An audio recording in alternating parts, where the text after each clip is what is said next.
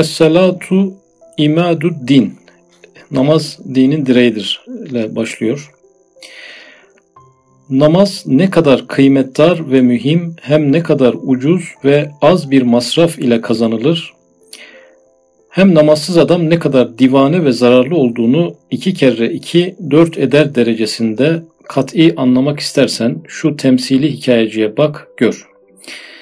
Şimdi arkadaşlar öncelikle ilk e, kelimelerde ne kadar kıymetdar ve mühim dedi. Yani namazın öneminden e, bahsetti. Öneminden bahsedecek demek ki.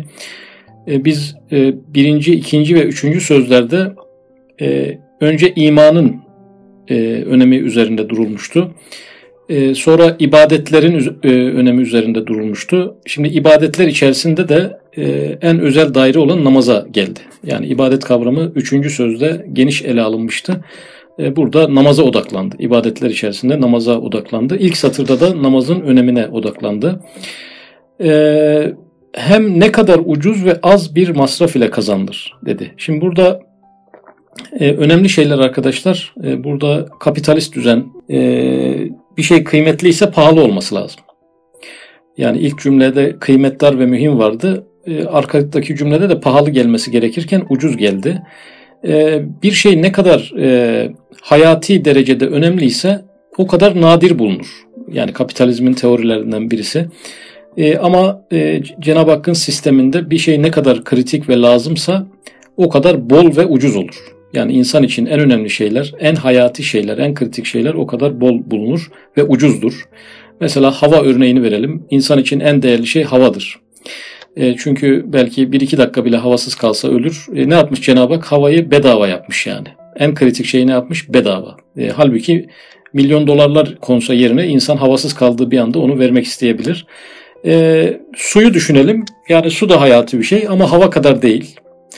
E, su da ucuz ama yani sonuç itibariyle bedava değil. E, ama e, kritiklik seviyesi havadan biraz daha aşağıda yani. E, en azından acilen yani bir gün boyunca su içmeye de biliyoruz yani hava gibi değil. Ya ekmeği düşünelim. Ekmek de hayati ama su kadar değil. Ekmeğin de bir fiyatı var ama o kadar yüksek değil. Yani meyveye falan geldiğimiz zaman artık biraz lüks e, kaçacak mevzulara geldiğimiz zaman fiyatlar biraz artmaya başlıyor buralarda. E, dolayısıyla e, Cenab-ı Hakk'ın e, kurduğu sistemde bir şey ne kadar hayati ise o kadar bol bulunur ve o kadar ucuzdur. Şimdi namaz da şayet hayati ise, namaz insanın soluk aldığı bir noktaysa, nefes gibi, hava gibi, su gibi insanın ruhunun bir ihtiyacıysa namazın bir kere ucuz ve kolay olması gerekiyor bu sistemin gereği olarak. Namaz ucuz mu? Ee, evet ucuz yani. Yaptığımız hareketler, e, ortaya koyduğumuz enerji miktarını bir baz aldığımız zaman kolay bir ibadet, az bir masraf diyor burada. Yani mesela namaza harcadığımız enerjiyi bir iş yerine satmak istesek bize kaç para verirler?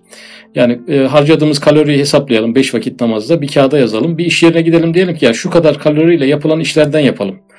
E, belki bir iş yerinde 4-5 tane e, ağır koluyu kaldırmaktan başka bir işe yaramayacağı için bize ayda belki e, 10 TL 20 TL bile vermezler yani namaza harcadığımız enerjiyle. Dolayısıyla burada e, aslında az bir masraf, çok kolay, çok hafif bir ibadet, oldukça ucuz ifadesi burada geçiyor. Tabi cehenneme götüren amellerin pahalılığı burada hatırımıza gelebilir. Yani bir insanı cehenneme götüren günahlar oldukça pahalı günahlar. Yani para harcamanız gerekiyor, emek harcamanız gerekiyor. Masraflı şeyler yani. Cehenneme götüren şeyler genelde masraflı şeyler. E, fakat e, cennete götüren şeylerde bir e, sermaye bile ortaya koymanıza gerek yok maddi bakımdan. Yani namazdı, oruçtu, e, abdesti bunlar insanın ücretsiz olarak yapabilecekleri çok basit e, etkinliklerle insana cennet e, sunuluyor. Hem namazsız adam ne kadar divane ve zararlı olduğunu diyor. Yani namazsızlığın divanelik ve zararlılıkla ilişkilendirdiği metin boyunca da bunu sürdürecek. Divane kelimesine aklı olan anlar, akılsız olan böyle yapmaz gibi yaklaşımlar e, sergileyecek. Niye bu iki kelime çok e, üst plana çıkmış? Çünkü kendini biraz da ya bu namaz gibi işte avam halkın kıldığı çok e, öyle aşırı bir eğitim gerektirmeyen basit ibadet. Yani ben gidip o camideki namazdaki insanlarla aynı çizgiye gelemem dedirtebilecek de bir ibadet tarafı var. O yüzden Üstad hep akıl vurgusu yapıyor. Sen kendini çok akıllı zannediyorsun ama hiç de akıllı değilsin. Dünyanın en akılsız hareketini yapıyorsun şeklinde o insanların aslında akıldan yoksunluğunu burada gündeme getirecek. Bir de zararlı meselesi, zararlı kelimesi. Ya insanlar ya ben namaz kılmıyorum ama faydalı bir insanım. Anneme faydalıyım, babama faydalıyım, hayvanlara faydalıyım, doğaya faydalıyım, zarar vermiyorum. Sonuç itibariyle bir eksiğim var. O da namaz kılmamak. Üstad Hazretleri aslında e, bu insanın faydalı değil de oldukça zararlı bir insan olduğunu e, ortaya koyarak o, onun iki tane savunma mekanizmasını e, şey yapıyor. Yani ben akıllı olduğum için namaza ihtiyaç yok ve etrafıma faydalı olduğum için e, böyle bir şeye gerek duymuyorum gibi e, bir argümanı da burada iki kelimeyle çürütüyor. Birisi divanelikle, birisi de zararlı kelimesiyle. Onların da izahlarını biraz daha detaylı yapacak. İki kere iki dört derecesinde kat'i anlamak istersen şu temsili hikayeciye bak gör. Bak gör dedi arkadaşlar. Hep bak dinle geliyordu. Bak dinle geliyordu. Üçüncü sözde de bak dinle geldi. Burada bak gör geldi. Şimdi dinle kelimesiyle gör kelimesini bir alt alta yazmak lazım. Bu ilmel yakin, aynel yakin, hakkel yakin e, kelimelerinden bir şeyi duyarak anlamak, işiterek anlamak ilmel yakine denk gelir. İlmel yakin. Bilgidir, bilgi bakımından bilmek. E, fakat burada gör dediğine göre artık sözlerle seviyeler biraz yükseliyor. Yani 33 sözü tesbihin 33 tanesi gibi düşünürsek insanları bir faz yukarıya çıkarıyor.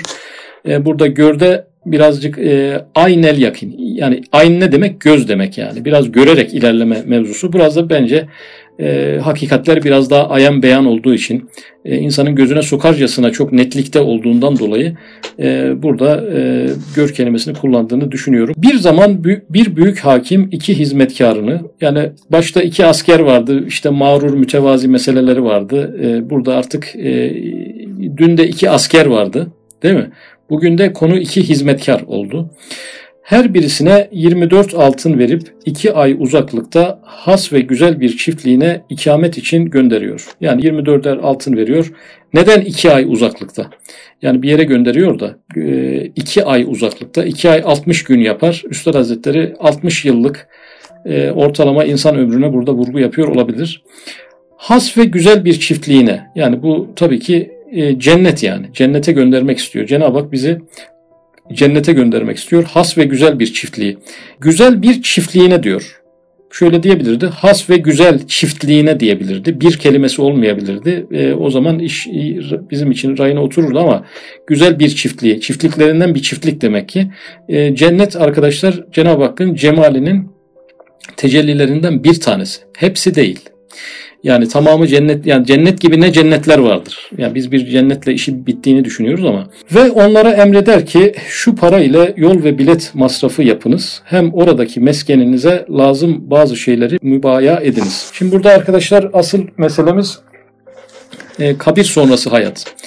Kabirden cennete uzanan hayat. Kabirden cennete giden yol yolculukta bir hayatımız var bizim. Asıl konumuz bugün o. E, kabirden cennete gitsek bile çünkü diyelim iman var. E, çünkü birinci, ikinci, üçüncü sözü atlattık yani. İyi insan bir şekilde e, zorlanarak da olsa, kolay da olsa cennete gidecek. Mümin için söylüyoruz. E, fakat bu cennete gidiş öyle kolay mı herkes için? Kabirden sonra. Kimininki kimininkine göre daha zor olabilir mi? Veya kimininki kimininkine göre daha kısa veya uzun sürebilir mi? Ee, birisi 50 bin yılda giderken birisi e, yarım dakikada gidebilir mi cennette gideceği yere gibi bir mesele var yani. Dünyada düşünün 5-10 yıllık sıkıntılara bile tahammül edemiyorken kabirden cennete uzanan çizgide 50 bin yıllık meselelerde çekilen sıkıntılara insan nasıl tahammül edebilir? Ne kadar zor şeyler bekliyor. Sonu cennet olsa bile.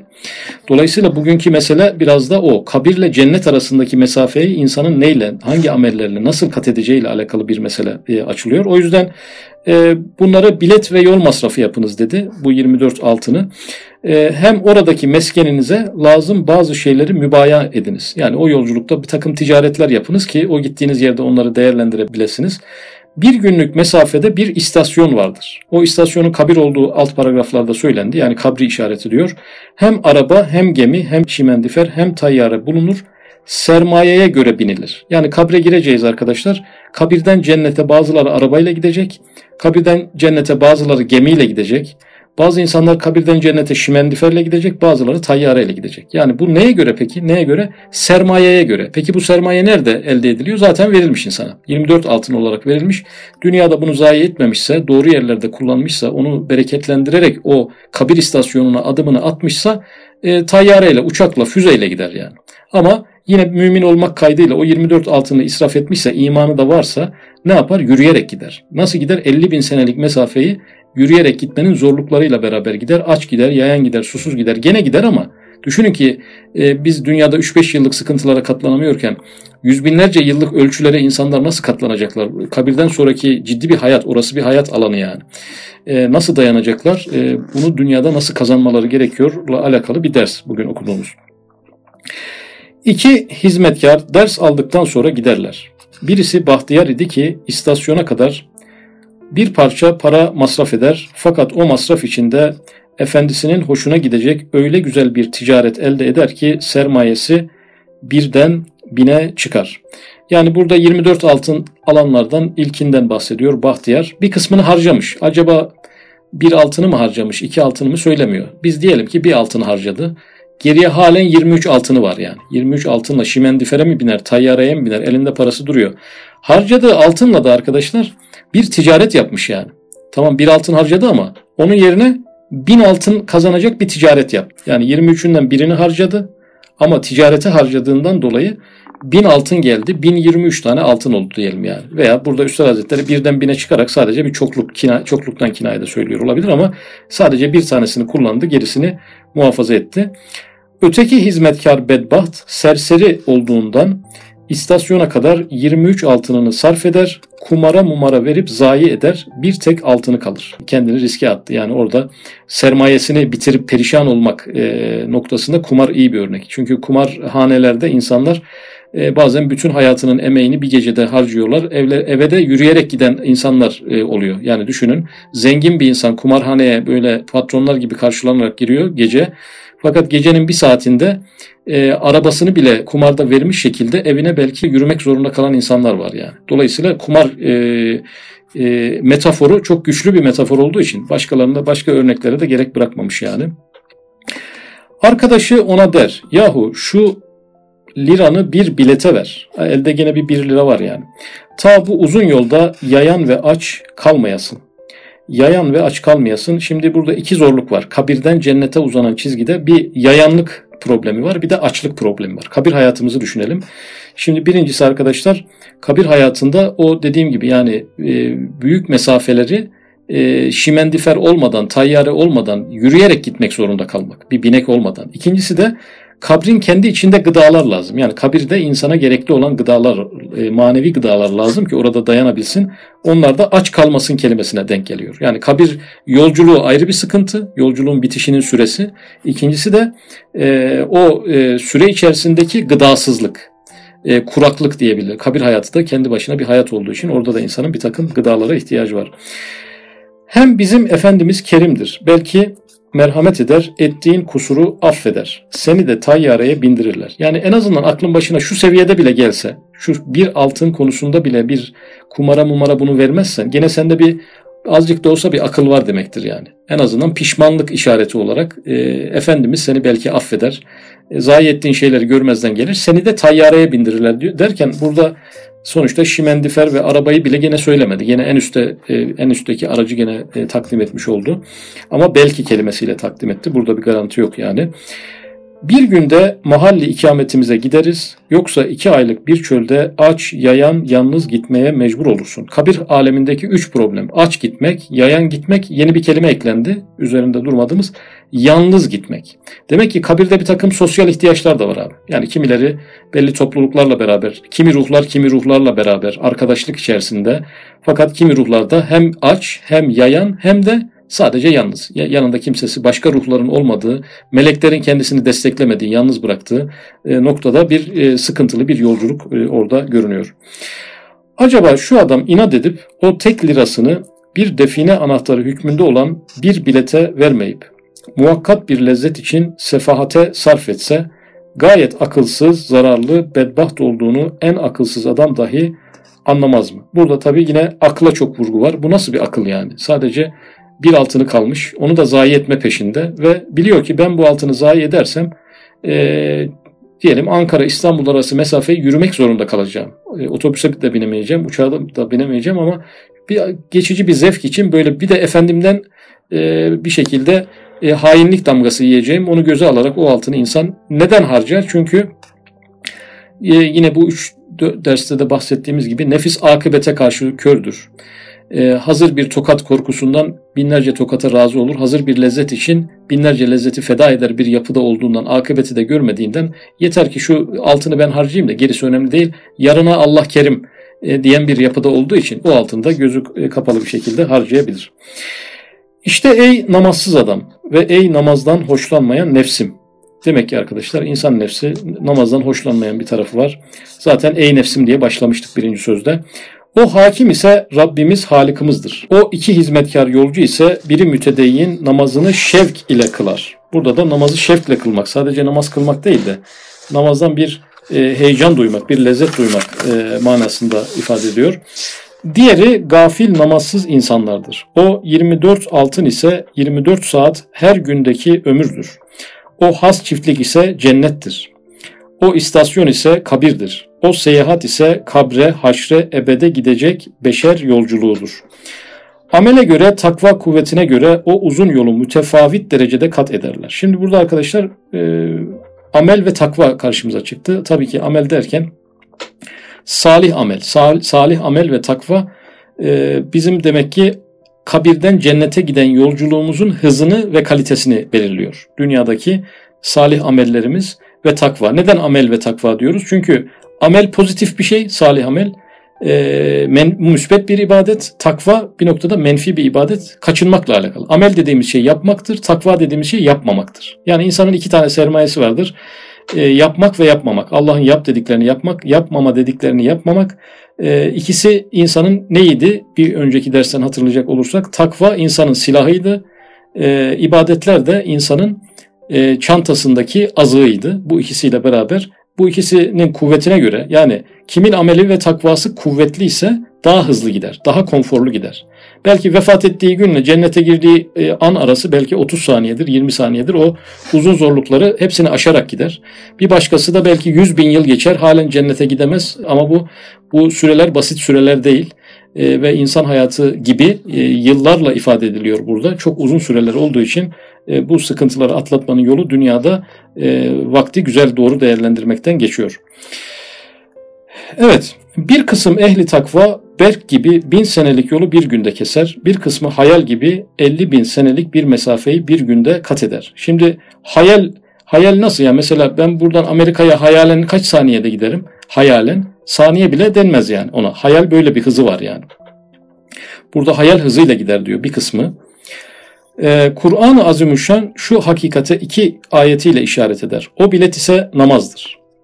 Bir tek saat beş vakit namaza abdestle kafi gelir. Acaba 23 saatini şu kısacık hayat dünyeviyeye sarf eden ve o uzun hayatı ebediyeye bir tek saatini sarf etmeyen ne kadar zarar eder, ne kadar nefsine zulmeder, ne kadar hilafı akıl hareket eder. Şimdi burada bir de ek olarak nefsine zulmetmek. Çünkü nefsi böyle bir şey istemiyor, böyle bir acı çekmek istemiyor. Tamam nefis kör ama kör diye ona bu acıyı yaşatamayız yani e, diyelim çocuk kendisi için zararlı bir şey istiyor ama çocuk ama aklı kesmiyor yani. O istiyor diye veremeyiz yani bazı şeyleri. Nefis de böyledir. Tamam o bir altını da yemek istiyor ama o bir altını yedikten sonra en büyük eziyeti kim çekecek? Nefis çekecek. O yüzden nefse bu acıyı çektirmemek adına Üstad Hazretleri burada e, nefsin kendine verdiği zararı, kendine yaptığı zulmü burada ifade ediyor. Zira bin adamın iştirak ettiği bir piyango kumarına yarı malını vermek akıl kabul ederse halbuki kazanç ihtimali binde birdir. Sonra 24'ten bir malını %99 ihtimal ile kazancı musaddak bir hazine-i ebediyeye vermemek ne kadar hilafı akıl ve hikmet hareket ettiğini, ne kadar akıldan uzak düştüğünü kendini akil zanneden adam anlamaz mı? Burada %99 arkadaşlar kurtuluş ihtimali var. Hani imanımız varsa, namazımız da varsa %99 dedi. Dünkü metinde de onda 9 diyordu yani. İmanı elde eden insan, ibadetini yapan insan onda 9 sağ yolun yolcusu kurtulacak diyordu. Evet %99 ihtimal ile kazancı musaddak bir hazine-i ebediye vermemek ne kadar hilafı akıl ve hikmet hareket ettiğini, ne kadar akıldan uzak düştüğünü kendini akil zanneden adam anlamaz mı? Yani burada namaz konusu Nedense kendini akıllı zanneden adam, kendini akıllı zanneden adam, kendini akıllı gören, halbuki sen delisin, sen de akılın zerresi yok noktasında ilerliyor. Demek ki insanı namazdan uzaklaştıran şeylerden biri de aklilik, aklına güvenmek ve e, aklını e, bazı meselelerin üzerinde görmek, bir ak, aklen bir fikir yürütmek. Ya namaza gerek yok, insanlara hayırlı insan olsam yeter. Bu bir akli yürütmedir ve dolayısıyla bu e, akıl yürütmesinin sonucunda bir akılsızlığa çıkar bu. bu noktada Üstad Hazretleri en çok aklı vurguladı dördüncü e, söz boyunca. Halbuki namazda ruhun ve kalbin ve aklın büyük bir rahatı vardır. Şimdi ruhumuz rahatlayacak, kalbimiz bir gıda elde edecek, akıl bir rahata erecek. Bu cümle niye geldi? Çünkü e, biz şu anda cennet, kabir hayatı, kabirden sonraki 500 binlik yıllık meseleleri biz dile getirince nefsimiz gene ne de, demiş oldu? Ya bunlar çok uzak meseleler. Daha benim ölümüme çok var yani. Derken Üstad Hazretleri yine nefse dünyevi neticeleri göstermeye başladı. Dünyada ne var? Ruha, kalbe, akla büyük bir rahat var. Yani biz şöyle özetleyebiliriz. Psikolojik bir ferahlık tarafı da var. İnsanın e, metafizik tarafını besleyen e, dünyada herkesin aradığı, bütün servetini insanların döktüğü bir dönemde e, namazın insanın ruhunu dinlendiren e, ve onu e, akli, ruhi ve kalbi hastalıklardan koruyan bir tarafını hemen gündeme getirdi ki yine nefse akıbeti e, göstermek ve dünyadaki neticeleri onun önüne koymak yöntemini tekrar burada sürdürdü. Tabi burada bir soru gelecek. Tamam aklıma, ruhuma, kalbime bir gıda ama ya bedenim ne olacak? Bedenim yoruluyor. Hemen arkadaki cümle ona bir cevap. Hem cisme de o kadar ağır bir iş değildir. Ya bedene de çok ağır bir iş değildir. Hem namaz kılanın diğer mübah dünyevi amelleri güzel bir niyet ile ibadet hükmünü alır. Şimdi ne oldu arkadaşlar? Namaz kılıyoruz. Ee, diğer dünyevi amellerimiz yani 24 saatten bir saati verdik. E geriye kaldı 23 tane altın. Onlar zayi mi olacak? Hayır bir, bir, bir tanesini doğru yerde kullandığımız için diğer 23'ü de e, ibadet hükmünü alacak. Sermayesi birden bine çıkmış diye bahsettiği hizmetçinin durumu. Yani aslında çok az bir vakit harcıyor ibadetler için ama birden bine çıkıyor. Doğru yerde doğru bir hareket yaptığı için diğer amelleri de e, güzel bir niyetle ibadet hükmünü alır. Bu surette bütün sermayeyi ömrünü ahirete mal edebilir. Yani soru şu, bütün ömrümüzü alnımız secdedeymiş gibiye çevirebilecek sır nedir? Bütün ömrümüzü hep oruç tutmuş gibi geçirecek seviyedeki bir yöntem yok mudur? Gece gündüz ibadet etmişiz gibiye çevirebilecek bir yöntem yok mudur? En basit yöntem beş vakit namazı kılmaktır. Diğer amelleri de ibadet hükmüne getirmiş olan bir sır olduğu için e, bu noktada bütün ömür de burada ahirete mal edilebilir. Fani ömrünü bir cihette ipka eder e, buyuruyor üstadımız.